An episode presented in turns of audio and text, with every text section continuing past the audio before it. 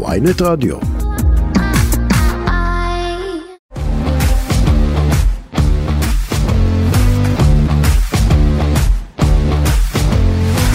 הפליליסט כמדי יום אה, שלישי בשבוע והמתיחות הביטחונית עדיין אה, נמשכת, יש שיגידו מתעצמת ומי יודע, אולי אנחנו אה, לקראת החרפה נוספת, החמרה נוספת במצב הביטחוני.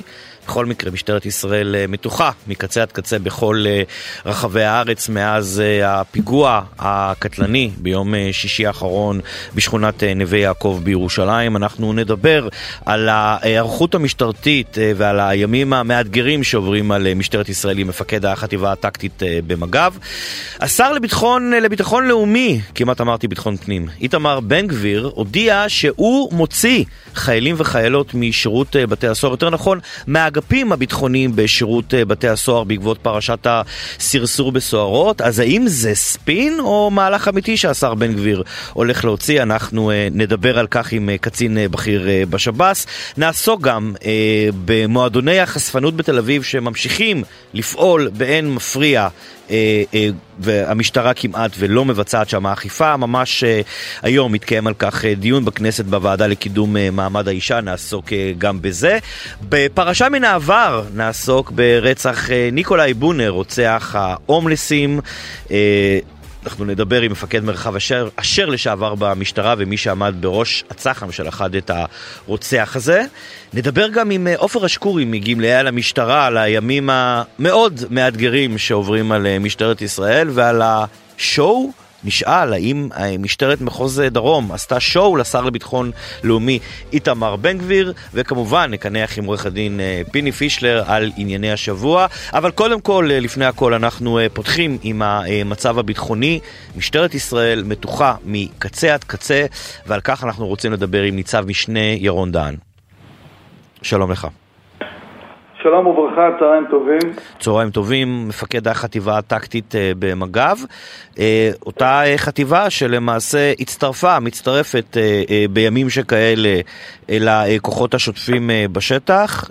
אפילו מומחים, צריך לומר, בנושא של הפרות סדר, של מצב ביטחוני רעוע, של שמירה על הגזרה. אה, בוא תתאר לנו קצת מה, אה, איך אתם, אה, מזווית הראייה שלכם, רואים את הימים המתוחים האלה. קודם כל, בפתח הדברים, אני רוצה להעביר תנחומיי למשפחות הנרצחים, וכמובן איחוליי להחלמת הפצועים גם מהפיגועים שחווינו בסוף השבוע שהיה לנו. אה, מבחינת ההיערכות אה, צריך להבין שבסוף אנחנו, אה, משטרת ישראל שמשמר הגבול משרת בתוך המערך הזה, אנחנו ברגע שאנחנו מבינים שיש לנו העלאת מדרגה, כמו שאנחנו שמים לב בסוף שבוע הזה במחוז ירושלים עם רצף של פיגועים לא רק ירושלים, נכון? זה בכל כן, הארץ. כן, ירושלים זה משך וזה היה בעיקר, היו בעוד מספר מוקדים, גם באיו"ש וגם במוקדים נוספים. מה שאני רוצה לומר שבסוף המשטרה אה, כמובן אה, עם המדיניות של, אה, של השר ושל המפכ"ל ומפקד מג"ב בסוף רוצים לייצר תחושת ביטחון אישי לכל אזרח וכמובן תחושת ביטחון אישי שאנחנו רוצים שיבוא ויורגש בשטח. ולשאלתך, זה הפעלה של כוחות ארציים, במקרה הזה זה החטיבה הטקטית אה, וחטיבה לבט"פ שהיא גם כוח ארצי וכוחות נוספים, זה לבוא ולתגבר את המקומות אה, שחווינו בהם את האירועים ולתת לאזרחים שבאותה גזרה להרגיש את העוצמה של המשטרה ואת החיזוק בנקודות החיכוך האלה. ואם אנחנו ננסה רגע למקד את אה, נקודות החיכוך, חוץ מירושלים שהיא העיר, עיר הבירה ידועה כנקודת אה, חיכוך, איפה עוד אתם מזהים נקודות כאלה ברחבי הארץ? אני אומר, קודם כל, שברמה המודיעינית יש עבודה ברמה של, של משטרת ישראל שיודעת לייצר ולהעביר את, ה, את, ה, את הידיעות הנכונות אה, בכל אה, שטח, אה, בכל עיר במדינה הזו. המוקדים הנוספים זה מוקדים שאנחנו יודעים לזהות אותם כפוטנציאל, מוקדי חיכוך, mm-hmm. קווי תפר כאלה, mm-hmm. שאנחנו מבינים שמשם כן יכולים לצאת מפגעים. כמו למשל, תן לנו דוגמאות, איזה קווי תפר, איזה מקומות בארץ הם היום יותר מועדים? מבחינתנו, קודם כל, כל מה שקשור לעוטף ירושלים וכל ההפרדה בין איו"ש לעיר ירושלים ולסביבה. ואם אנחנו מסתכלים על האזור הדרומי, אז זה כל אזור מעבר מיתר וכל האזורים שהגדר שם יחסית כן יכולה, יכולים להיכנס דרכה ושם כוחות של גם המחוז הדרומי ומג"ב דרום נותנים את המענה המבצעי. וכמובן שבתחומי איו"ש, שזה כמובן תחום האחריות של צה"ל עם מג"ב איו"ש, ששם למעשה נותנים את הפעילות גם ההתקפית, על פי כמובן דרישה ובשיתוף פעולה עם השב"כ ועם גורמי ביטחון נוספים. ב... אני לא רוצה להגיד בגל הטרור הקודם, כי אנחנו עדיין בסוג של גל טרור מתמשך עוד מלפני מבצע שובר גלים. אבל אנחנו זוכרים את הפיגועים של מה שנקרא so called המפגעים הבודדים, גם בבני ברק, גם בתל אביב. האם יש איזה שהן התראות על מרכז הארץ בדגש על תל אביב? אני, קודם כל, גל טרור זה מילה חזקה, עוצמתית וגדולה, ואנחנו מדברים על עלייה שהיא חמורה בתחום הטרור, עלייה משמעותית, לא? אם מצליח מחבל אחד לקחת כלי נשק ולחסל שבעה יהודים בערב שבת. אני פחות אכנס לכל פיגוע או פיגוע, כי כמובן ככל פיגוע כזה יש עליו כרגע חיסיון גם חקירתי, ואנחנו למעשה בסוף נפיק את כל הלקחים גם ברמת משטרת ישראל ומג"ב, אבל כמו שאתה אומר, בסוף הגיע מחבל וגבה כמות גדולה של הרוגים ופצועים. אני לא, אני לא אגיד ולא אכנס להצליח או לא הצליח, כי מבחינתנו אנחנו לא רוצים אפילו שאחד ייפגע. ברור. בהקשר הזה זה אפס סובלנות. המטרה שלנו זה בסוף לבוא ולהגיע ולחתור למגע אל מול אותו מחבל עם כוח זמין שנמצא בשטח כדי למנוע כן. את ההרוג הראשון לצורך. העניין. ולשאלתך, אנחנו מכוונים את כל המודיעין, mm-hmm. כל הידיעות שיש לנו, mm-hmm. גם בהקשר הזה של לבוא ולבוא להיות כן. מוכנים אל מול ידיעות מודיעיניות כאלה ואחרות. תגיד, כמה השטח מבעבע, כמו שאתה מזהה אותו?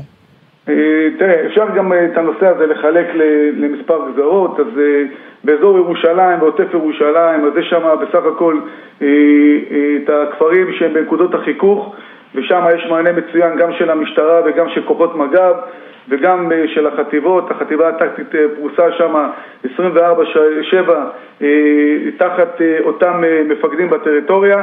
על מנת, שוב פעם, להרוג את כל הנושא הזה של הפרות הסדר ובעיקר בנקודות החיכוך שאזרחים לא ייפגעו.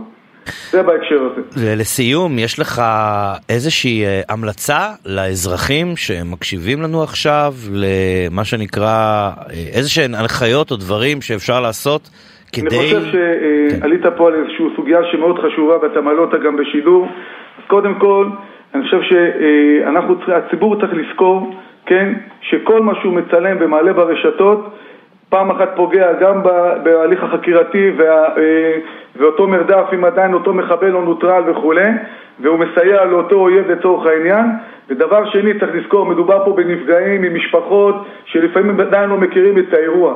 ולכן צריך להמתין, לתת לגורמי הדוברות של משטרת ישראל להפיץ את הידיעות האלה. הדבר השני והוא נלווה ממה שאני מדבר כרגע, אין לקחת את החוק לידיים. צריך לזכור שיש לנו אה, אה, כוחות ביטחון, אה, שזה צה"ל, שב"כ, משטרת ישראל, מג"ב, שיודעים לעבוד בצורה משותפת כדי לשים את היד על אותו מחבל או אותו מסייע, ולכן הציבור צריך להיות בסבלנות ולתת לנו לעשות את העבודה בצורה הטובה יותר ביותר והמקצועית ביותר. וכמובן גם לדווח על כל דבר חשוד, כל חפץ, אדם או אירוע חשוד, מי כמונו, מי, גם אתם, גם אנחנו בעיתונות יודעים עד כמה שיתוף הפעולה האזרחי הוא uh, משמעותי כדי uh, להמשיך ולהילחם uh, בטרור. והלוואי שבפעם הבאה נוכל לדבר איתך על העבודה השוטפת שלכם בחטיבה הטקטית במג"ב, אתם עושים הרבה מאוד דברים ולא על הכוננות שלכם ברחבי הארץ. אגב, הלוחמים שלך, כמה שעות ביום הם אה, בחוץ? אה, עם תחילת ההיערכות שלנו זה היה 12 שעות אה, בחוץ, מערך שלדי. כדי באמת להראות שהכוחות פועלים וכמובן לפעול כנגד היעדים שהיו באדוק. כרגע עברנו לשעות פעילות שבין 8 שעות ל-10 שעות על מנת אה, לתת ללוחמים. שזה המון גם, זה, לא, זה לא מקל מאוד, כן? אה, צריך להגיד, שמונה, עשר שעות, בכל תנאי מזג האוויר, בשטח, אה, בלי איזה ארוחות גורמה או איזה חדר אוכל, באמת תנאי שטח, ועל כך באמת מגיעה לכם תודה רבה והערכה גדולה, אתם לא מקבלים מספיק את ההערכה שמגיעה לכם. ניצב משנה ירון דהן, מפקד החטיבה הטקטית במג"ב, אני רוצה להודות לך על השיחה ועל עבודת הקודש שאתם עושים. תודה רבה. תודה רבה והמשך יום טוב. גם לך.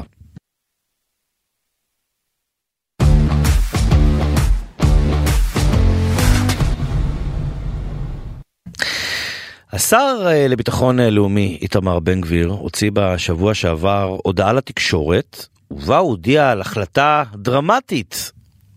הוא מוציא את אה, חיילי וחיילות צה"ל מהאגפים הביטחוניים, מהעבודה הישירה מול האסירים הביטחוניים, המחבלים, וזאת בעקבות אה, פרשת הסרסור בסוהרות. ואם רגע ננסה אה, להסביר את הדברים בצורה פשוטה יותר, מה זה אומר? אז זה אומר שבן גביר, השר בן גביר הודיע לשב"ס שבתוך חצי שנה מעכשיו הם יצטרכו לגייס 360 סוהרות וסוהרים, אה, סוהרי קבע, כן, לא, לא חיילים או חיילות, במקום אותם החיילים שהשר מתכנן להוציא מהאגפים הביטחוניים. זה נשמע על פניו אה, טוב מאוד, אה, כמו שאמרנו, זה תוצאה ישירה של פרשת הסרסור בסוהרות בכלא גלבוע, אבל למי שצולל לפרטים יכול להבין שזה אה, ככל הנראה ספין לא מוצלח במיוחד, אה, וכדאי שננסה רגע להבין מה זה אומר לגייס בכלל סוהר לשירות בתי הסוהר, כמה זמן זה לוקח, ולא פחות חשוב, כמה זמן לוקח גם להכשיר את אותו סוהר או סוהרת, ועל כך אנחנו אה, נדבר עם סגן גונדר נועם יעקב, שלום לך. שלום לך, צהריים טובים, לך ולמאזינים, לירן. צהריים טובים, ראש ענף... שמח שהזמנת אותי. אני שמח שאתה כאן איתנו, ראש ענף תכנון וחירום, כוח אדם באגף מש... משאבי אנוש בשב"ס. אה, בוא נדבר רגע על האתגר הזה של לגייס סוהר או סוהרת לשירות בתי הסוהר, סוהרי קבע. אה, במיוחד היום שגם ככה מראש אתם סובלים, כמו משטרת ישראל, אחותכם הגדולה, אתם סובלים ממצוקת כוח אדם. אוקיי, okay, חשוב לומר קודם כל שהסוגיה הזאת והבעיה הזאת היא לא אך ורק שלנו ושל משטרת ישראל, היא משבר עולמי שאנחנו מכירים, שפוקד בכמה שנים האחרונות בהיבטי העבודה ושוק התעסוקה. אנחנו mm-hmm. סובלים מזה כמו כל ארגונים אחרים, הן בשוק האזרחי והן בשוק העסקי, אפילו ארגוני הייטק, אנחנו שומעים לא מעט uh, סוגיות. אז זה ככה חשוב לומר שאנחנו לא נמצאים בחלל ריק בעניין הזה, אנחנו כן. מאותגרים כמו כלל הארגונים. זה, זה ראשית הדברים. מעבר לכך, אה, אנחנו נמצאים בתהליך מאוד מועט ומאוד משמעותי של גיוסים. אה, שב"ס רואה את עצמו, אה, וכך גם המספרים, ועוד מעט ככה נצלול לכמה נתונים שיעניינו אותך בעניין הזה, רואה את עצמו כארגון אטרקטיבי לחבר'ה צעירים, ואנחנו נמצאים בתהליך גיוס מאוד מאוד משמעותי. שהתהליך שלו מתבצע גם בערוצי המדיה, גם בערוצים הפיזיים, אתה מכיר, שוחחת... כן, אבל למרות זאת, ברור, אבל למרות זאת, אתם, אתם סובלים מקושי לגייס, כי צריך אה, לומר את האמת, לא כל אחד רוצה לבוא ולשרת או לעבוד במקום סגור, סורגים, אה, אסירים ביטחוניים, זה לא משהו שמתאים לכל אחד. אני אגב לא חושב שהייתי יכול לעשות את זה. אני דווקא רואה את הדברים קצת אחרת. אני חושב ש... התפקיד של הסוהר, קודם כל חשוב לי לומר לך שמתחילת אה, השנה הנוכחית אנחנו גייסנו למעלה מ-100 סוהרים אה, לשירות בתי הסוהר ושמנו לעצמנו יעד של אלף סוהרי ביטחון, 1,200 סוהרים סך הכל במהלך השנה, מספרים בהחלט גדולים, אבל אנחנו רואים שכרגע הנתונים מדברים בעד עצמם ומאפשרים לנו להתחיל ולמלא את השורות, כמו אה, ביתר הארגונים שסובלים מתוך הדבר הזה. חשוב לומר, באמת, זה תפקיד לא, אה, תפקיד מאתגר, תפקיד מאתגר, אוכלוסייה לא פשוטה, אוכלוסייה שחברה נכון. אה, לא, התמודדה, לא, לא התמודדה איתה באופן כזה או אחר. כן, גם שכר לא להיט, צריך להגיד, כן? לא... כן, בהחלט, בהחלט תפקיד שיש בו, אה, אני חושב שיש בו דווקא כמה מרכיבים ש... שלא תמיד מכירים אותם בחוץ וחשוב להדגיש אותם. אז כן, אנחנו נדבר ש... עליהם זה רגע, בוא נעשה סדר, נדבר עליהם כי זה חשוב, אבל בוא נעשה רגע הפרדה. קודם כל, בוא, בוא נדבר רגע, ננסה, אם תוכל להמחיש לנו את האתגר של לגייס סוער אחד, או סוערת כמובן. כמה זמן זה לוקח? מה המשאבים שאתם צריכים להשקיע וכמה זמן זה לוקח לגייס באדם אחד? גיוס של סוער, אם בעבר היה לוקח uh, כמה חודשים, היה ארוך, uh, אפילו אפשר לומר מסורבל בעבר, ייעלנו אותו בשנה הקודמת ובשנה הנוכחית ייעלנו אותו אף יותר, אבל הוא לוקח לא פחות מחודש. זאת אומרת, זה תהליך של איתור, של מיון, של מבחנים, של בדיקות, של אה, אה, מה שנקרא בדיקת סף בתנאים אה, לא מועטים, כי מבחינתנו חשוב לנו שהמשרתים שלנו יעמדו בסטנדרטים המקצועיים הנדרשים, והם אה, חשובים לאין שיעור בעניין הזה, אבל זה תהליך. מעבר לנושא של גיוס, שכולל גיבוש וכל הסוגיות שדיברתי, יש גם את הנושא של הכשרה, שגם בהכשרה אנחנו מלווים אותו, הוא לומד את רזי המקצוע. תהליך שלוקח, אה, הגיוס עצמו, דיברתי על השנה, היעד שלנו לגייס תוך 30 יום, שזה לא, לא מובן מאליו בכלל, תהליך יעיל שמאוד מאוד שופר. Mm-hmm. מעבר לכך, אה, הכשרה שלוקחת סדר גודל של שמונה שבועות, כולל ליווי צמוד, כולל on-job training ביחידה, כשהוא מסיים את ההכשרה. תהליך מורכב, תהליך אה, מאתגר לכל הצדדים, כן. ואני חושב שאנחנו עומדים בו בצורה אה, טובה, וראה ערך אה, כמויות הקורסים שנמצאים כרגע במרכז ההדרכה הארצי של שב"ס. Mm-hmm. יש לנו לא מעט קורסים, קרוב ל-150 סוהרים חדשים שנמצאים בהכשרות ובקורסים. Mm-hmm. מיד בתום ההכשרה הם ייכנסו לתוך היחידות, אה, יעברו שם תהליך חניכה מסודר. וייכנסו לתפקידים, כל אחד באופן המיטבי מבחינתו. תגיד, כמה זה ריאלי שתוך חצי שנה אתם תצליחו לגייס 360 סוהרות וסוהרים במקום אותם חיילים? זה ריאלי בכלל? ריאלי. אה, הנושא הובא לידיעתנו, אנחנו כמובן ארגון שמממש אה, הנחיות של דרג מדיני. כמובן שהדבר הזה דורש אה, מה שנקרא יישום בהדרגה, עבודה משותפת עם המשרד לביטחון לאומי, אבל אנחנו כמובן נתכוונן לפי הצורך ונייצר מדרג של, בסופו של דבר נעמוד ביעדים הנדרשים, עם המשאבים כמובן שלצורך העניין נדרשים בתוך הדבר הזה, כי מעבר לפערים הנוכחיים שלנו, יש פה עוד כמות כזו או אחרת שאתה מדבר עליה, שאנחנו mm. נצטרך לעשות תהליך מדורג של אה, אה, להחליף את צוערי החובה. חשוב לציין, א', שצוערי החובה הם אוכלוסייה מאוד מאוד חשובה בארגון, אנחנו לא מוותרים עליהם. עצם זה שיש החלטה להוציא אותם מהאגפים, הם עדיין נשארים אה, ברמות כאלה ואחרות, בתפקידים כאלו ואחרים שהם חשובים ומשמעותיים, ואנחנו נעשה את, את התהליך המדורג, אה, עקב בצד אגודל, יחד עם המשרד לביטחון לאומי, ועם המשאבים המתאימים אנחנו נצליח אה, בעזרת השם לגייס את התקורות הנדרשות של כוח אדם כדי לממש את התהליך הזה. חשוב לומר גם ברקע הדברים שהסיבה לכך היא לא הייתה ממקום של ועדה כזו או אחרת, אלא ממקום של אה, בשלות. והבינו שסוהרי החובה, תהליך שהחל בשנת 2005 עם המעבר של המתקנים הצבאיים והמשטרתיים לשב"ס, אה, הבשלות היא נדרשת קצת ככה מעבר לכך, ולכן הוחלט שהם יוחלפו בסוהרים בוגרים יותר, עם כל המשמעויות הנלוות לכך. ואי אפשר להתעלם כמובן מהרקע של הדבר הזה, אה, פרשת הסרסור בסוהרות ואולי הבריחה של האסירים מכלא גלבוע שפתחה את הפרשה הזאת עוד הפעם מחדש. אה, משהו ש... אה, נאמר, גרם לשב"ס לעבור תקופה קשה מאוד, אני חושב שבטח בשנה, שנה וחצי האחרונות, די טלטל את הארגון, גם ההצפה מחדש של הפרשה וגם החשיפה של החשד לאונס של חיילת. תגיד, כמה הרגשתם שזה מקשה עליכם אה, לגייס, או כמה מצאת את עצמך צריך להרגיע אימהות, או אולי סוהרות, נשים שבאות אה, לעבוד אצלכם ורוצות לעבוד אבל אה, חוששות ושואלות? אני חושב שבסופו של דבר הנתונים מדברים בעד עצמם. בשנה שעברה גייסנו אה, כ-750 סוהרים, נתון גבוה לכל הדעות. כולל סוהרי חובה, כולל סוהרות חובה במספרים גבוהים, כנ"ל לגבי סוהרות קבע. הארגון מבחינתנו ממשיך את המגמה של התעצמות, אם זה בציר הטכנולוגי, אם זה בציר הביטחוני. אני חושב שאנחנו אה, לוקחים את הדברים למקומות של אה, להעצים את הארגון ולייצר ממנו ארגון יותר אטרקטיבי, אה, למשרתים, ואני חושב שהמספרים מדברים בעד עצמם, דיברתי שוב על 120 מתגייסים מתחילת שנה, מספרים גדולים ומשמעותיים, שאני חושב שמצביעים על כך ששב"ס הוא אטרקטיבי, ושב"ס בהחלט מותאם, והתפקיד שהוא מאוד מאוד חשוב, ויש בו לא מעט מרכיבים אה, אה, מעניינים שמותאמים גם לדורות הללו, בין היתר נושא של עשר אה, משמרות בחודש, תפקיד סוהר הביטחון שמאפשרות גם איזון בית עבודה ושילוב עם החיים האישיים, תפקיד עם שליחות, גם בציר הביטחוני וגם בציר החברתי, אופן העסקה שהוא מגוון, וכמובן גם מייצר יציבות תעסוקתית. היום אנחנו רואים בשוק מה קורה, חברות ענק כמו מייקרוסופט, כמו אמזון, מפטרות אלפי עובדים, אנחנו שומרים על היציבות הזאת בקרב האנשים שלנו, אני חושב שזה אחד מהדברים שאנשים מחפשים, למרות שהדורות, כפי שאמרתי, הם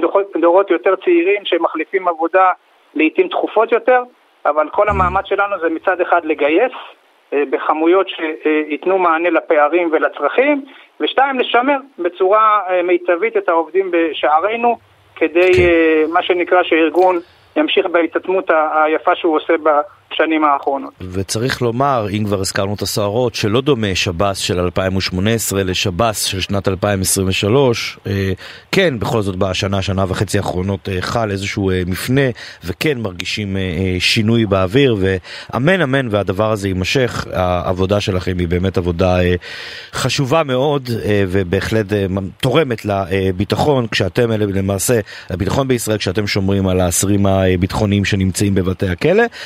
ואני אגיד, זה רק אני, אבל אולי אם היה פה עונש מוות למחבלים, יכול להיות שבכלל היה נמנע מכם המשימה הלא פשוטה הזאת אה, אה, בסיטואציה שהיא אה, מביאה אתכם אליה. אני רוצה אה, להודות לך, סגן גונדר נועם יעקב, ראש ענף אה, תכנון אה, וחירום כוח אדם באגף משאבי אנוש בשב"ס, על השיחה הזאת, ובהצלחה בגיוסים. תודה רבה. תודה רבה גם לך לירן, כל טוב.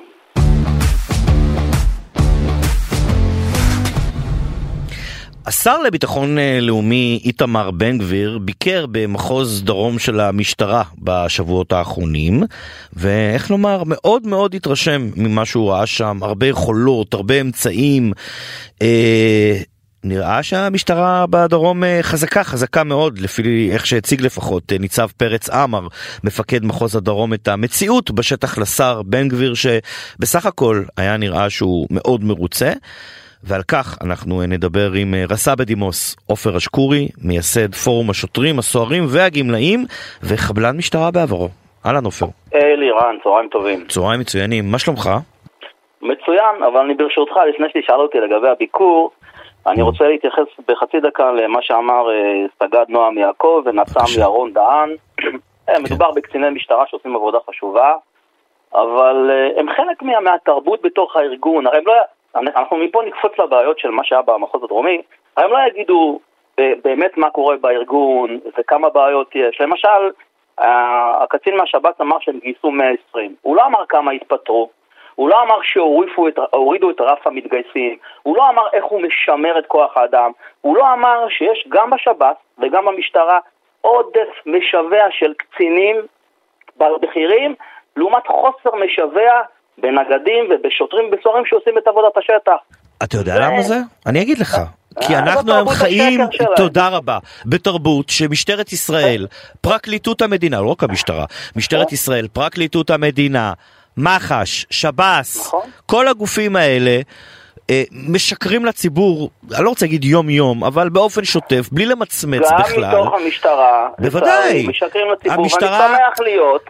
אני שמח להיות זה שמתריע בשער, פרקליט השטן, לשים להם תמונת מראה מול הפרצוף. עופר, אין הונאה. גם במשטרת ישראל הורידו את רף המתגייסים ואת רמת המתגייסים, ותקשיב, עופר, אתה יודע מה, עופר, אתה יודע מה אחת ההונאות הגדולות של השנה? החולפת?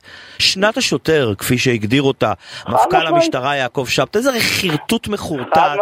המצב של השוטרים בשטח מתחת לכל ביקורת, יחס מזעזע, התעמרויות. אני מחבר בקבוצת וואטסאפ של פורום הסוהרים וגמלאי המשטרה והסוהרים. אצלנו, נכון. אצלכם, ואני רואה, אתה מקבל, אתה תמיד מעביר לנו דברים ששוטרים מהשטח כותבים על התנאים ועל התעמרויות וסוהרים, ואני קורא את הסיפורים ואני מזדעזע, אני אומר בואנה, זה מערכת אכיפת החוק? או גן ילדים? נכון. מה קורה פה? הכל אמיתי, אתה יודע, מצד אחד אנחנו מפרגנים לארגון ורוצים, מחבקים אותם, אבל מצד שני, כשמספרים לך סיפורים ויוצאים בכל מיני סיסמאות, אנחנו נהיה תקועים במקום ושום דבר לא השתנה, ושום דבר לא יזוז, ואת איתמר בן גביר מערבבים, ואני יכול לדבר על זה שעות, אני מקווה שהקצינים העיקריים האלו מקשיבים, כמו שאני הקשבתי, בקשב רב למה שהם אמרו, והאמת שלא ציפיתי שיגידו דברים אחרים. זאת אבל... הבעיה, כי מדברים דפי מסרים, הוא מספר לנו, באמת, בכל הכבוד לסגן גונדר נועם יעקב, שאני באמת מאוד מכבד אותו, קצין מצוין, אבל אה, בוא, הוא עולה ומספר לי כמה זה אטרקטיבי, וכמה הכל טוב, וכמה אין בעיה, וכמה, וכמה אין בעיה, בעצם זה, זה ריאלי לגייס 360 אה, אה, סוהרים במקום חיילים תוך חצי שנה, זה הרי חרטוט מחורטט, הם צריכים, הם צריכים, אה, אתה יודע, הדוברים שם בארגונים מתדרכים אותם פשוט לשקר, וכמו כמו שכל פעם המשטרה באולפנים, גם המפכ"ל והסמפכ"ל וכל הקצונה הבכירה באה ומספרת לנו כמה משטרת ישראל היא חזקה. לא, משטרת ישראל היא לא חזקה, היא לא מספיק חזקה. משטרת ישראל במצוקה מטורפת, מטורפת. שים לב כמה זמן, אתה יודע, התושבים בירושלים בנווה יעקב, עצם העובדה שהם מרגישים שלמשטרה לקח 20 דקות להגיע לזירת האירוע, זאת בעיה של המשטרה. חד משמעית, ואני חושב שלמשטרה לקח 20 דקות להגיע לאירוע. לא בגלל שהשוטרים לא בסדר, כי זה מצבת כוח האדם. אני אישית הותקפתי על ידי אזרח אלים עם עוד ברזל, כי זו כמעט הייתה תקיפה, אחרי חצי שעה הגיעה ניידת, וכמובן שהמאיים הלך, טוב, זה סיפור ארוך. תגיד תודה שהגיעה ניידת ולא שלחו אותך להגיש כן. תלונה מקוונת, בוא. אז בוא, בוא נגיע לסיפור במחוז הדרומי. כן, בוא נגיע כי זהו, אנחנו בדיוק, בקצרה, כן. תראה, האירוע, האירוע במחוז הדרומי, הביקור של, הממ... של השר, זה היה פארסה אחת גדולה. אגב, זה בדיוק כמו שחברת הכנסת מירב בן ארי ביקרה במחוז הדרומי כיושב ראש הוועדה לביטחון פנים, בזמנו זה היה השם, ואז הראו לה את לוחמי הימ"מ המדהימים שלה. הוועדה לליטוף, משטרת ישראל, בוא. כן, הראו לה פושטים על איזה בית של איזה אזרח בדואי שם, עם אה, לוחמי יס"מ. כן. ותקשיב, באירוע שם השקיעו תפאורה, איך אמר לי גורם מתוך המשטרה, בסדר גודל של עלות של 100 אלף שקל, הביאו גרוטאות של מכוניות. בנו שם ממש אולפן כדי להרשים את חברת הכנסת מירב בן ארי. ממש כמו שעשו עכשיו... גם עשו את זה עם דני קושמרו אגב בעבר, כשהוא בא עם המפכ"ל בערוץ 12 באולפן שישי לדרום, הם, אני דיברתי עם קצינים שהיו שם, הם ביימו לו שם איזה מופע של פשיטה על בית ומציאת נשק, שאת הנשק הזה נכון. בכלל מצאו עוד לפני, קצת מזכיר לי אגב את הסדרה מחוז ירושלים. זה מה שקרה בביקור של השר במחוז הדרומי. עכשיו אם השר... נגיד שהוא לא מחובר או לא מקושר, אני חושב שהוא כן מבין מה שקורה, אז כל הביקור הזה מיותר. עכשיו, אם אתם רוצים לטפל בבעיות, ריבונו של עולם, תציפו את הבעיות, תראו את האמת, תראו את המציאות. אתם טוענים שאין לכם שוטרים? אני יודע שאין שוטרים. אז למה שהשר מגיע לביקור, מביאים פרשים ולוחמי ימ"ס ומהיחידה הטקטית ושוטרים עם הגב וניידות שנוסעות בשביל, איך אומרים אצלנו, שופוני אנס עם סירנות ומחסומים ו... וחמש דקות אחרי שהשר הולך, כל ההצגה הזאת נגמרת. אגב, מביאים שוטרים מיחידות מיוחדות ומפעילים אותם גם בשעות מתוגברות לטובת אותה הצגת תכלית גדולה. כי הם חושבים שזה יקנה את השר. אני לא יודע אם השר קונה את זה. אם השר קונה את הדברים האלה, כן. מצבנו מאוד מאוד בעיה. טוב, אני רוצה להספיק איתך עוד אה, דבר אחד. אה, אתה אה, מדבר הרבה עם שוטרים אה, בשטח.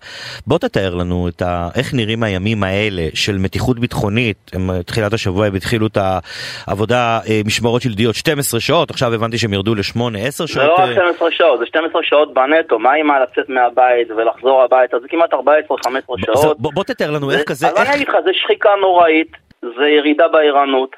זה ירידה במוטיבציה, זה ירידה בכושר, זה ירידה ביכולת, ועובדה, כמו שאמר ניצב לפני ירון דהן, למה הם ירדו מהפעילות, וכל הכבוד שהם ירדו מהשעות האלו, כי אתה לא יכול להחזיק בן אדם לאורך זמן לעבוד בצורה שכזאת, אתה שוחק אותו. קח שוטר אחרי שלושה ארבעה ימים שהוא עובד שלדי, ובוא נגיד, אתה מכניס אותו למתכונת כזאת ביום החמישי, הוא נתקל במכבד, אתה חושב שהוא אותו שוטר ערני כמו שהוא עובד שמונה שעות? ממש לא. אתה כבר עייף, אתה כבר שבוז, אתה כבר שחוק, ולכן המשטרה לא יכולה להחזיק את השוטרים לאורך זמן. זה אגרוף קצר, גם אמר ניצב משנה ירון דהם, להראות לציבור. תגיד לי, שנת 2023, עדיין משטרת ישראל מפעילה סד"כ שלדי? זה נראה הגיוני? איך הגענו למצב הזה? אתה יודע שבירושלים, במחוז ירושלים, חסרים עכשיו במצבה 400 שוטרים? יש להם תקן לעוד 400, עזוב את מה שהשר אמר, אנחנו רוצים לגייס 4,000 שוטרים. חסרים להם רק במחוז ירושלים 400 שוטרים. איך אתה, איך אתה ממלא את זה? אתה לוקח שוטרים מכל מיני כן. יחידות אחרות, מכל כן. מיני מחוזות אחרות, ממחוזות אתה פוגע בעצם במקומות אחרים, במקום מעבירים אתה... את ה, מה שנקרא את החוסר או את התגבורים מפה לפה, לירן, ואז... אנחנו נחזור עוד פעם על אותה אמירה, כן. אין שוטרים ברחובות, אין ניידות בכבישים. דרך אגב, מספיק. בוא, אתה עקבת כמוני, אני לא יודע אם היית בפיגוע ביום שישי, אם כן. שמת לב, אני ראיתי את כל האירוע. היו שם מלא מלא קצינים בכירים, נצ"מים ותנ"צים ורפ"קים וסנ"צים, מלא מלא ניידות צמודות. מה חצי מהם עשו? כמה שוטרים בפועל היו שם? כמה. ניידות ציור? שניים? שלוש? תסביר לי, מה עשו כל הקצינים הבכירים שם בזירה? מה היה להם לעשות? אה, אתה יודע, אתה יודע, שופוני אנס או להצטלם שיראו אותך בתקשורת כשהמפכ"ל מגיע, כשראש הממשלה מגיע, כשהשר מגיע? יש בעלי תפקידים שחשוב שהם יגיעו. אבל הרוב שמגיע לשם זה בשביל הנראות, חצי מהם, בדיוק, חצי מהם זה פשוט מיותר. אה, בשביל הנראות, בשביל להתחבר, כן. בשביל הפה, בשביל השם, אז אה, ככה המערכת הזאת מתנהגת, וכל עוד היא מתנהגת ככה, שבע דקות, וכל עוד לא מראים את האמת למקבלי כן. ההחלטות, איך יבוא תיקון? שבע דקות, עופר, שבע דקות, שבע דקות אחרונות של באמת, סוף סוף אנחנו קצת שומעים אמת בתוכנית הזאת ואת הדברים האמיתיים ולא מסרים מתוך אה, דפי מסרים, אבל זמננו תם, אנחנו גם נדבר איתך, נמשיך, נדבר איתך בתוכנית הבאה. תודה, תודה גם על העבודה שאתה עושה. תודה לך, מייסד פורום השוטרים, הסוהרים והגמלאים וחבלן אה, משטרה בעברות. תודה רבה. תודה לירן, ביי. אתם על הפליליסט, עורך התוכנית הוא דביר חזן, טכנאי השידור הוא חגי בן עמי, ואנחנו uh, ממשיכים לדיון שהתקיים ממש היום uh, בכנסת. לא רק שהתקיים, אלא נחשף בוועדה לקידום מעמד האישה, ששני מועדוני חשפנות בתל אביב ייסגרו עד סוף החודש הבא. רק סוף החודש הבא, כן? בדיון בוועדה בדבר חזרתם לפעילות של שלושה מועדוני חשפנות וריקודי lap dance, דרשה אה, יושבת ראש הוועדה חברת הכנסת פנינה תמנו שטה מהמשטרה להגביר אכיפה ופעילות סמויה וגלויה על מנת שהתופעה הזאת תיפסק. מה שהמשטרה אמורה אה, אגב אה, לעשות. ועל כך אנחנו על הנושא הזה רוצים לדבר עם ילנה, אומנית ואקטיביסטית בתחום המאבק בזנות, ממייסדות הארגון כל סודות הזנות בישראל. שלום לך. שלום, שלום לירן. ילנה, את הגעת uh, לעולם החשפנות uh, בגיל 26. נכון, נכון, לפני זה בכלל היית uh, מנהלת משרד בחברת נכון. הפקות, עבודה, מה שנקרא, מסודרת, יומיומית, כמו שכל אחד מאיתנו עובד. זה מה שהיה כאילו כלפי חוץ, אבל מאחורי הקלעים, דפוסי הזנות שהתחילו בגיל 10 מעולם לא נפסקו. ואולי השיא, כשאימך חלתה והיית צריכה, לפ... מעבר לפרנס את עצמך, לפרנס גם אותך, ואת בעצמך היית חשפנית במשך ארבע וחצי שנים במועדונים, ואולי שווה לפתוח בכל מיני אמרות של, אגב, אני שומע את זה בעיקר, בעיקר מגברים, שאומרים בסדר, אם היא רוצה, מי שרוצה להיות חשפנית, שתלך להיות חשפנית, מה, מה הבעיה בדבר הזה? זה היא רוצה, אף אחד לא מכריח אותה. אז קודם כל אולי שווה שמישהי שכמוך שעבדה בתחום, תסביר את האבסורד של מי שאומר את הדבר. הדבר הזה? אני אשמח. אה, כשאנחנו דנים במדיניות ציבורית, אנחנו לא יכולים לבסס את ההחלטות על אנקדוטות או מקרים בודדים. אין שום פרקטיקה דכאנית שכל מי שהושפע ממנה התנגד לה. אפילו להמשך העבדות היו תומכים בקרב העבדים, יש נאום של אה, מלקולם אקס שמתייחס לזה. כשאנחנו מתבוננים בתמונת המקרו של מועדוני החשפנות, כן. מה אנחנו רואים? אנחנו רואים יותר מדי קורבנות לפרקטיקה הזו של ביזוי ופגיעה בכבוד הנשים. כמו שאמרה את זה השופטת מיכל גונן. Mm-hmm. אחרי שעזרתי אומץ ונחשפתי כדי להוביל את המאבק במועדוני החשפנות, אני מקבלת פניות משורדות אחרות על בסיס שבועי. אני נמצאת בקשר עם נשים שעברו תקיפות מיניות בזמן שהיו במועדוני החשפנות, שהתמכרו לסמים בגלל מה שהן עברו במועדוני החשפנות, נשים שמתמודדות עם טראומה מתמשכת ולא מסוגלות להשתלב בקהילה ובשוק העבודה אחרי שיצאו ממועדוני החשפנות. צריך להבין שהיחס של אה, אה, גברים שמגיעים למועדונים האלה, לנשים שעובדות שם, חלקן אגב קטינות, פשוט יחס מזעזע. זה לא יחס של, של, של זה יחס כמו של איזה בשר, לאיזה סחורה, לא יחס לבן אדם. אותם, שאלו אותם לפני כמה חודשים, ממש זה יצא באיזשהו סקר שלצערי אני לא זוכרת של מי, אבל ממש שאלו אותם למה בעצם אתם הולכים לנשים, למה אתם בעצם משלמים על, על מין. והסיבה השלישית שהם אמרו זה כי הם יכולים לעשות עם הנשים האלה דברים שהם לא יכולים לעשות עם נשים רגילות. נכון, במיוחד היום אגב, בעידן של המיטו ושל ה... אז אה, ממש אנשים נכון. פורקים כל עול, והנשים המסכנות האלה, אגב, שבוע שעבר, מועדון הפוסיקט בתל אביב, שבוע, בשבועיים האחרונים נאמר, אוקיי, כדי שאני אדייק, הגיע לשם, אה, התקבל דיווח במשטרת תל אביב על קטינה שנמצאת במועדון. הגיעו לשם כוחות משטרה ובאמת מצאו קטינה במועדון, זה פשוט בלתי נתפס הדבר הזה. נכון, נכון. צריך להבין שכאילו ב-2015 התגלו חדרי זנות במועדוני החשפנות. כלומר, בעלי המועדונים ביצעו עבירה קשה, שזה סרסרות. במדינה מתוקנת בעלי המועדונים היו הולכים לכלא כבר אז. ולא עשו להם כלום. אבל שלנו הם לא נענשו, ורק הסכימו להפסיק את ה... להפעיל את החדרים בצורה גלויה, אחרי מאבק עם הרשויות. ב-2017 השופטת מיכל אגמון גונן אסרה על מועדוני חשפנות ברמת גן, כי מדובר בפרקטיקות של ביזוי ופגיעה בכבוד הנשים. ב-2019 פרקליט המדינה שי ניצן קבע שריקודים מיניים, שמה שנקרא lap dance, במועדוני חשפנות הם זנות.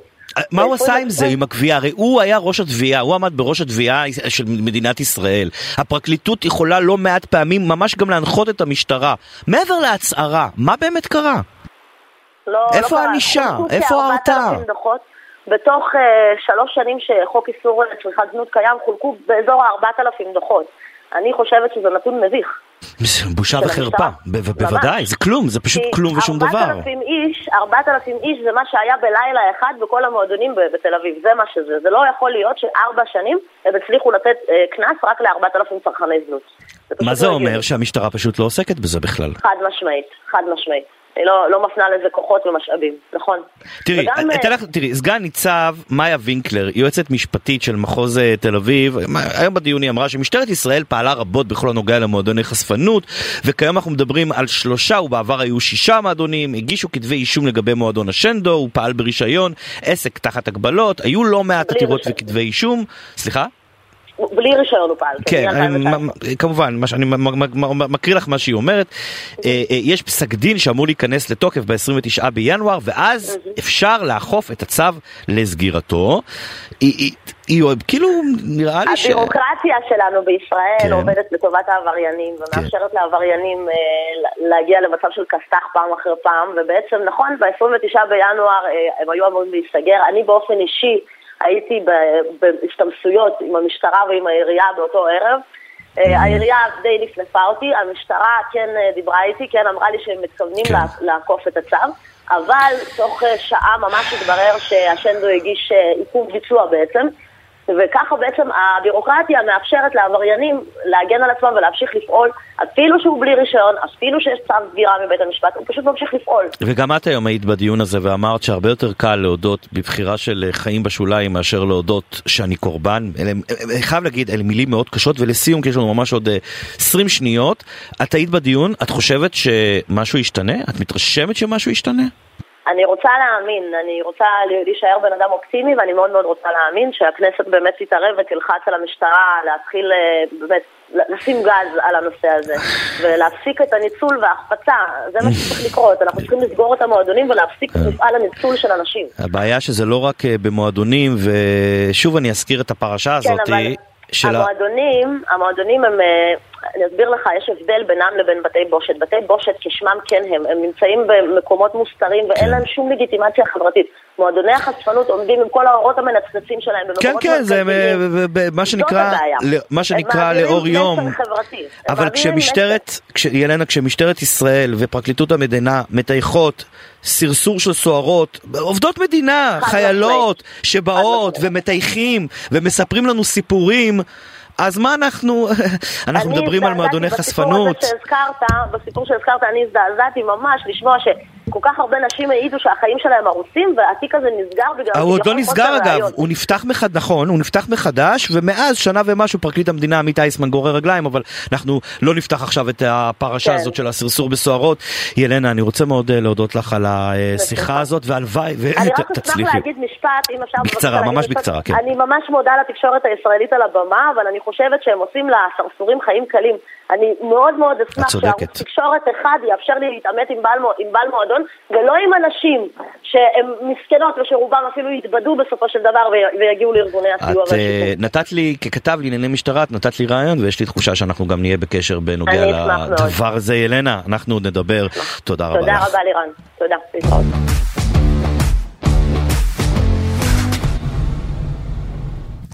ב-2005 רצח ניקולאי אה, בונר באכזריות שלושה חסרי בית באזור חיפה ואישה נוספת שאותה הוא גם אנס קודם.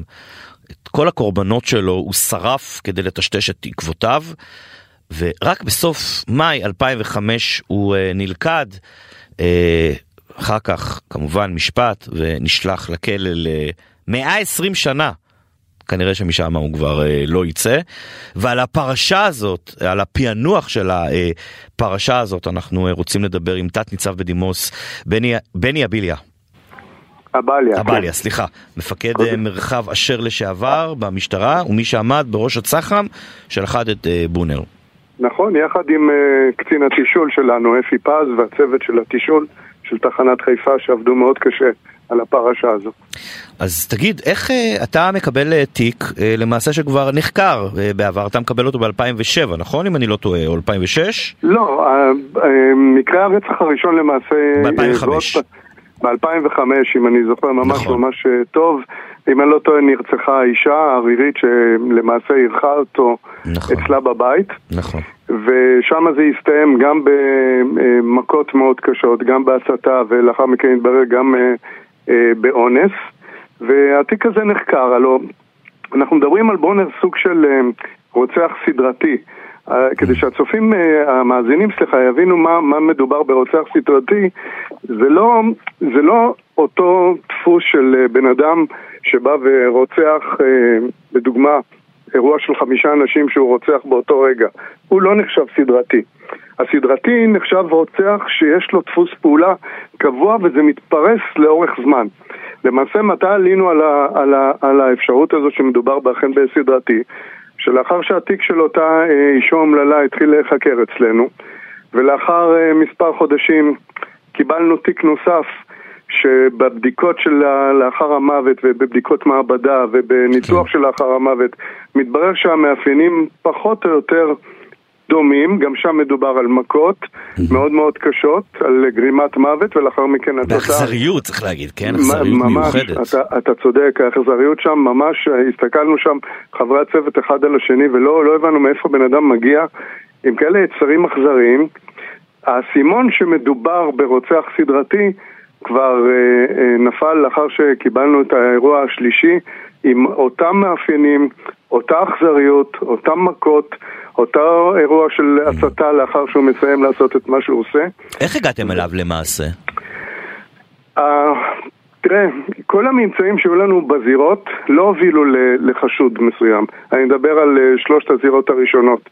לאחר שחשבנו שמדובר כבר במישהו שעושה את זה דרך קבע ואפשר להגדיר אותו סוג של uh, סדרתי, אה, אספנו ממצאים ולא הגענו לשום נתונים, לא מהמעבדות הפורנזיות, לא מהמעבדות של הדם, של ה-DNA, לא משום כן, מקום. כן, קשה, כשאין לך DNA ואיכונים וסלולריים, גם, כל... נכון, קשה נכון, מאוד. א', אתה צודק, אנחנו מדברים על 2005, שמאז התקדמנו בקטע הטכנולוגיה מאוד מאוד מאוד, אבל גם אם היה לנו את, ה, את הממצאים של אה, DNA, לא, הוא לא, מה שנקרא, לא היה במאגר. זאת אומרת, הוא מעולם לא נדגם וככה שלא יצא לנו מישהו. הפריצת דרך הגיעה למעשה, בדרך חטפנו עוד אה, מה שנקרא אירוע רביעי, אבל פריצת הדרך הגיעה למעשה אחרי שהוא תקף גם כן הומלס אה, ששתה איתו. אה, והלוא כל המניע שלו זה היה ויכוחים שעלו תוך כדי שתייה, אוקיי? ואז יצ, יצא לו היצר הזה של העצבים והאלימות המאוד קשה. אותו בן אדם עשה את עצמו מת, ואז הוא עזב אותו ומשום מה לא המשיך ב... בנוהל שלו לשרוף את הגופה, אוקיי? לשרוף את המקום. אותו בן אדם, אחרי שהגענו אליו ופתחנו תיק של ניסיון לרצח, נתן לנו ולצוות אה, סוג של כיוון שמדובר גם בסוג של הומלס. אוקיי, מה שמקשה עליך יותר את העבודה, לך תמצא אותו. כן. אה, ואז התחלנו לעבוד באזור חיפה על נושא של ההומלסים. אה, קיבלנו ממנו קצת פרטים שסגרו לאיזה כיוון של חבורה של הומלסים שנמצאת אה, בחיפה והתחלנו לעבוד עליהם ובדרך של עבודה מאוד חכמה עם יחידות מיוחדות שאז היו לנו באותה אה, תקופה. הרבה עבודת יש... מודיעין, נכון? אני מניח. הרבה הרבה הרבה עבודת מודיעין וכשגם כן היינו על אותו בחור בעבודה מאוד אה, איכותית הצלחנו להשיג את ה-DNA שלו ויצא לנו התאמה לזירות שהיו, שחקרנו אותם, עצרנו אותו, הוא נחקר. מה המניע שלו? אה, לא היה לו מניע. התעצבנתי. שתיתי, התעצבנתי, הוא איש אלים מאוד, הוא היה עבר מסכת אה, גירושין מאוד קשה ונזרק, כמו שנקרא, לרחוב, והכל זה קטע של... פתאום אתה יכול לשבת לשתות איתך, לצחוק איתך, תגיד לו משהו לא במקום, נגמר הסיפור. היה לו עבר פלילי תגיד? לא, לא משהו שמוכר לנו בארץ. ובעצם בזה, אין לנו הרבה בישראל אנשים שאפשר להגדיר כרוצחים סדרתיים, והוא כן בהגדרה הזאת, נופל לתוך ההגדרה הזאת. הוא נופל uh, בהגדרה הזו, אני לא חושב שעוד נתקלנו במישהו שהוא רוצח סדרתי. יש עוד מישהו שנעצר בשעתו שהייתי מפקד היחידה המרכזית של מחוז חוף, זאת חקירה שנוהלה יחד עם כן. מחוז דרום, עם ימ"ר דרום, גם כן עם מישהו, ברח לי השם שלו, בנג'רי, מישהו כזה, אם אני לא טועה. היה, היה גם את החשד לרוצח סדרתי על אה, כביש החוף, כל הרציחות של הנשים בשנות ה-80, עם חליווה, עבריין, שגם עד היום שהוא יושב בכלא וחושבים שאולי הוא רוצח סדרתי, אבל אין לנו כאן אה, הרבה רוצחים סדרתיים, וגם השחזור, צריך לומר, של אה, אה, בונר, הוא היה, עשה אותו בצורה קרה. מאוד, היה מאוד קר רוח, כאילו... אין לך מושג. קר רוח הוא שחזר כאילו הוא יצא לטיול. מדהים. הוא סיפר אחד לאחד ולקח אותנו לכל המקומות ו- ושחזר בדיוק מה הוא עשה ואיך עשה ולמה עשה, כאילו מה שנקרא עשה שחזור בלי להניד עפף. תגיד, לסיום, אה, יש לנו ככה ממש 20 שניות, מה שונה, כמה שונה יותר נכון, חקירה של רוצח סדרתי מרוצח אה, אה, בודד, יחיד מה שנקרא, שרצח רק אדם אחד? תראה, ברגע שאתה מגיע למסקנה שמדובר ברוצח סדרתי, אתה, זה לא רוצח אחד שעשה אחד ואתה צריך למצוא אותו, כן. אוקיי? נכנסת בך המוטיבציה הזו, אתה חרד לגורל אנשים נוספים, שאם הוא סדרתי, אז תוך כדי שאתה עובד מנסה למצוא אותו, הוא יעשה עוד אחד ועוד אחד. אז מה שמניע זה, זה, זה הרבה מוטיבציה, כן. עבודה סביב השעון של כל האנשים שהיו בצוות, אוקיי? כמעט לא ראו את הבית, עבדו כל הזמן מסביב, הפעלנו את כל היחידות שהיו ברשותנו, שנתנו לנו סיוע בדברים האלה, ומה שעניין אותנו זה להגיע אליו כמה שיותר מהר כדי להפסיק את מסע ההרג הזה. בהחלט אה, עשיתם את הדבר הזה ועל כך אה, תודה גדולה לכם. תת ניצב בדימוס אה, בני אבליה, נכון?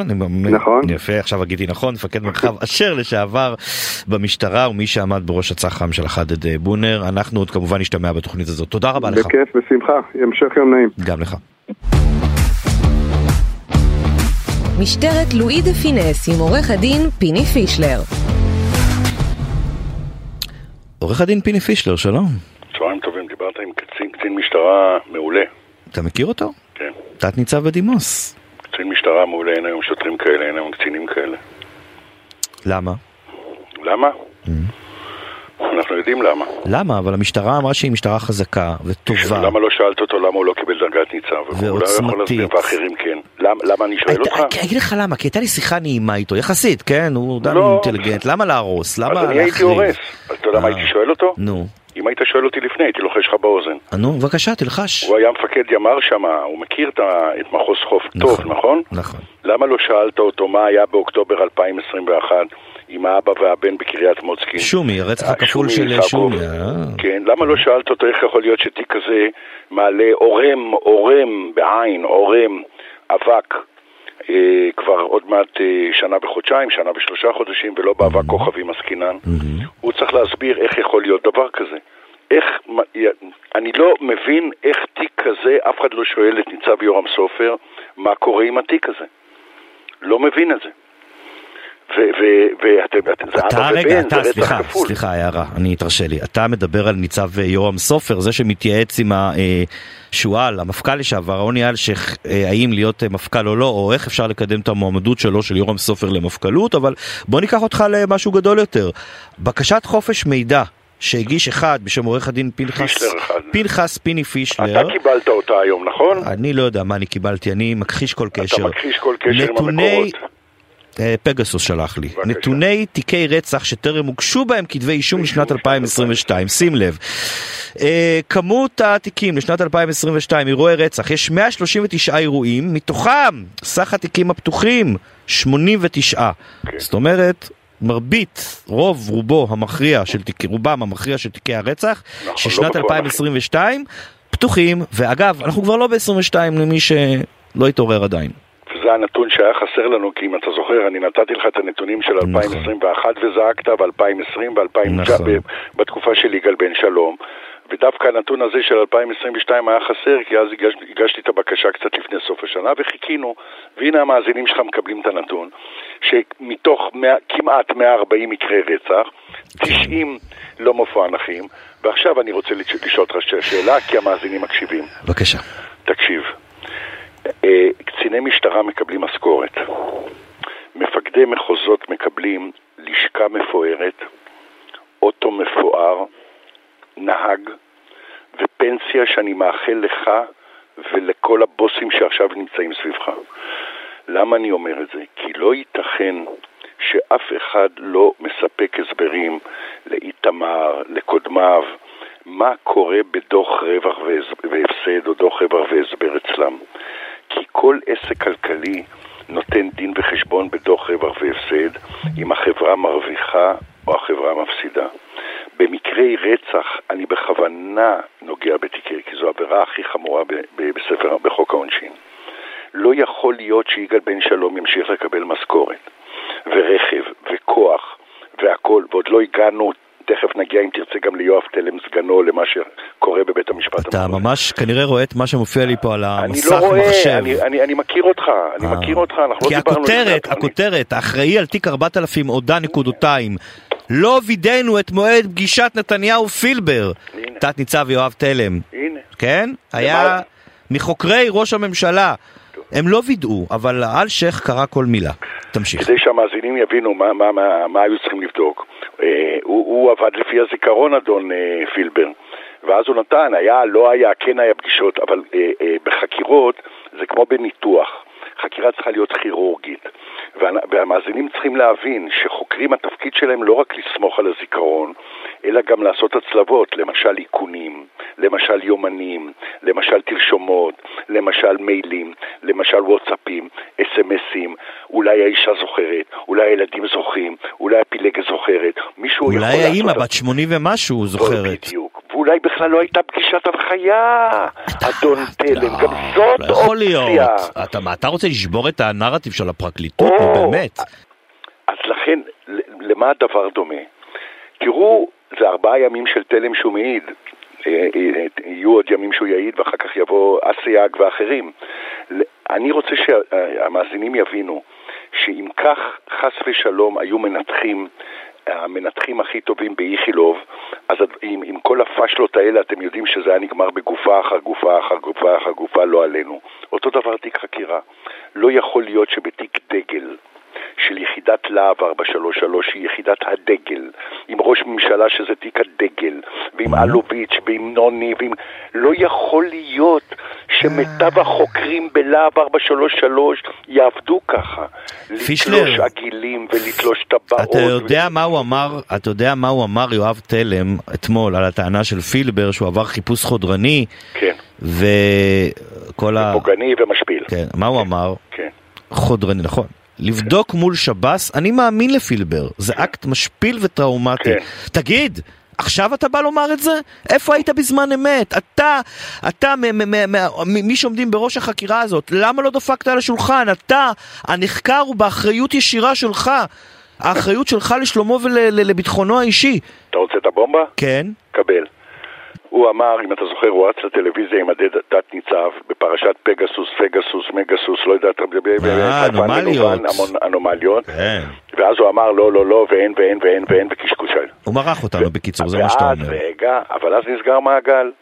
ואז בעדות, בחקירה נגדית, הוא אומר שהוא למד את הפונקציות ואת הטכנולוגיה תוך כדי תנועה, אם אתה זוכר. מתי? כשהוא היה בצוות מררי. בצוות מררי, כן. ואז הוא למד על הפונקציות. כן. הנחקר עזר לחוקרים, מדהים. יופי, עכשיו, עכשיו אתה לירן, בחור מוכשר ואינטליגנטי, בוא נעשה קצת תורת אל הלוגיקה. תקשיב, אם אתה, יואב תלם, אתה אומר שלמדת על הפגסוס תוך כדי תנועה ולא הכרת את הטכנולוגיות, רק בפרשת מררי, ששם היית, עזרת בצוות, אז ממה, מה אני למד מכך? סליחה, אני- רגע, רגע, לא, סליחה, סליחה. תת ניצב יואב תלם היה ראש היחידה הארצית לאכיפה כלכלית. ראש הוא- זרוע החקירות. יפה. הוא לא יודע מה זה פגסוס? נו, הוא באמת. נכון? נכון, די, יש נו. כזה שיר, הוא לא ידע את שמה, אתה מכיר? תשימו את זה במוזיקה. עכשיו, מה, אתה למד מזה? שאם הוא לא ידע, אז החוקרים שלו שבאו לבקש צווים בפני שופט, לא ידעו להסביר לשופט את הפונקציות, לכן גם השופט לא ידע על מה הוא חותם. אבל הוא חתם, אבל השופט אז, חתם. אז זהו. אז לכן אתם מבינים שבפלופ אחר פלופ אחר פלופ בתיקים האלה צריכים להדאיג את האזרחים. אני מבין, למה? פישלר, שזה קץ הדמוקרטיה. זה, זה קץ הדמוקרטיה, כי זה בדיוק, זה מחר אנחנו. מחר אתם. אני, תשמע, זה לא יכול להיות. ידעתם. איפה, תקשיב, אני, דברים שיואב תלם אומר, הם דברים חמורים. אני חושב שזה אתמול, גם אם לא לפתוח מהדורת חדשות, איפשהו במקום סביר במהדורת החדשות. תגיד לי, יכול להיות שהתקשורת מתעלמת מזה כי זה עושה טוב לבנימין נתניהו? אתה, אתה רוצה לשמוע מה אה, דין בן צור, שהוא גדול ועילוי, אמר אתמול? בחצי דקה לא שנשארה לנו, כן. זו לא רשלנות, זה יותר עמוק. אתה יודע מה הביטוי שזה יותר עמוק? זה כאילו רצה לומר מה שפישלר אומר, אולי תפרתם פה תיק. אולי. ולסיום פישלר, עשר שניות אחרונות שאני בכל זאת רוצה להספיק איתך. הצגות אומרים שעושים אה, לאיתמר אה, בן גביר במשטרה, ובן גביר, ובן גביר שבא עם הרבה מאוד הבטחות, אגב אחת מהן היא להקים ועדת חקירה לפרשת הסרסור בסוהרות, חוזר בו. במילה אחת, את, איך אתה רואה את התפקוד של בן גביר? אתה מרוצה או שאתה... אני אומר לאדון בן גביר, קודם כל מגיע לו... עשר שניות, כן. כן. 100 ימי חסד יקבל 100 פלוס מע"מ. אני אוקיי. אומר לאיתמר בן גביר, דבר פחות. ואל תשלוף, okay. אוקיי. ותעשה יותר, וחוץ מזה תלמד את המטריה לפני שאתה פוצה פה. עורך הדין פיני פישלר. תודה לכם. תודה רבה לכם, ותודה למאזינים שהייתם איתנו עד עכשיו. אה, עורך, ערך את התוכנית אה, דביר חזן, טכנאי השידור היה חגי בן...